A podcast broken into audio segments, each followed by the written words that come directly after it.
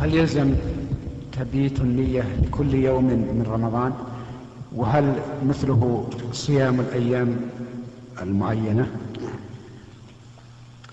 آه، أولا لا بد أن نعلم, أن نعلم معنى تبييت النية.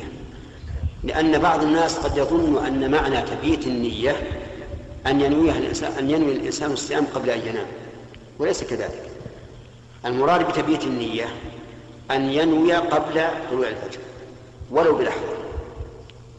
فإذا نوى قبل طلوع الفجر ولو بلحظة فقد بيت.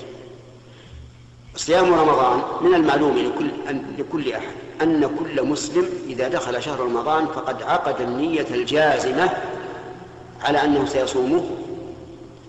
إيش؟ كله جميعا فالنية في أوله كافية. إلا إذا وجد سبب يقطع الصوم كما لو سافر الإنسان ثم رجع فلا بد من تجديد من تجديد النية. أو مرض ثم عوفي لا بد أن يجدد.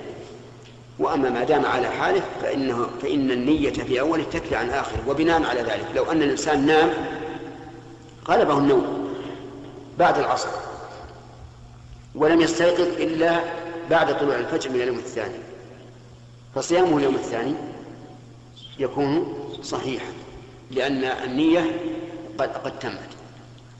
أما الأيام المعينة النوافل يعني النفل المعين كصيام ستة أيام من شوال فهذه أيضا لابد أن ينوي الصوم قبل طلوع الفجر.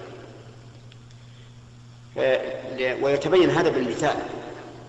لو أن الإنسان ليس عنده نية أن يصوم ستة أيام من شوال فاستيقظ في اليوم الثاني من شوال وفي أثناء النهار يعني استيقظ ولم ينوي الصوم ولا ولا وصلى الفجر ولما طلعت الشمس فكر لعلي أصوم أو لا أصوم. لكنه عند زوال الشمس يعني عند الظهر عزم على الصوم فصام. صيامه اليوم صحيح. ما دام لم يأكل ولم يشرب ولم يأتي بمفطر قبل ذلك صيامه صحيح.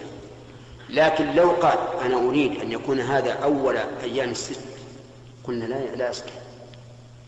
لأنه لو أتى بخمسة أيام بعد ذلك اليوم كن يكون صام؟ خمسة أيام ونصف. والحديث ستة أيام. فالأيام المعينة في النوافل لا بد أن تكون من أول من قبل طلوع الفجر. نعم.